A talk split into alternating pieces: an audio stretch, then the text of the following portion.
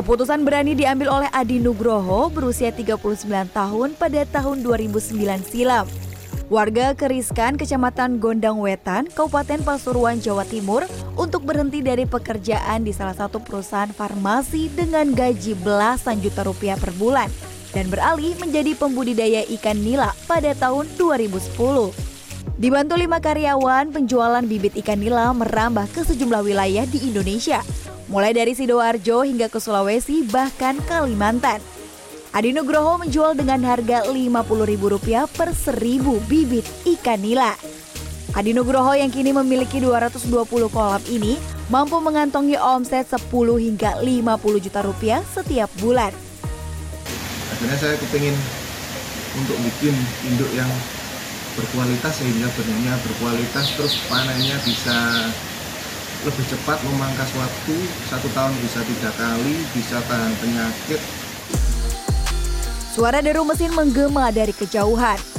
Seorang pria dengan tekun memotong dan menggerinda palet bekas yang terbuat dari kayu jati Belanda di halaman rumahnya Desa Gunung Sari, Kecamatan Dawar Belandong, Kabupaten Mojokerto.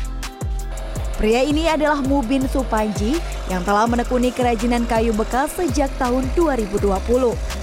Berbagai kerajinan dihasilkan mulai dari model huruf dan angka, beragam hiasan dinding, hingga furnitur seperti lemari dan meja. Awalnya, Mubin Supanji adalah karyawan pabrik kertas di Kabupaten Sidoarjo. Namun karena pandemi, pesanan kertas ke luar negeri sepi, hingga muncul ide untuk membuka usaha sendiri. Kerajinan kayu Bapak Putra satu ini diminati pelanggan dari luar Mojokerto, mulai dari Surabaya, Kediri, Batu, Malang, Sidoarjo, hingga Marauke. Dengan banyak berdirinya kafe dan restoran, membuat pesanan semakin meningkat. Bahannya jati Belanda bekas palet. Mm -hmm. Dijual dengan harga mulai berapa mas? Apa aja terus harganya berapa? Uh, harganya kalau yang huruf kayu itu mulai 4 ribuan mm -hmm. sampai ada yang 100 ribu. Mm -hmm. Tergantung besar kecilnya sama tingkat kerumitannya kalau yang custom.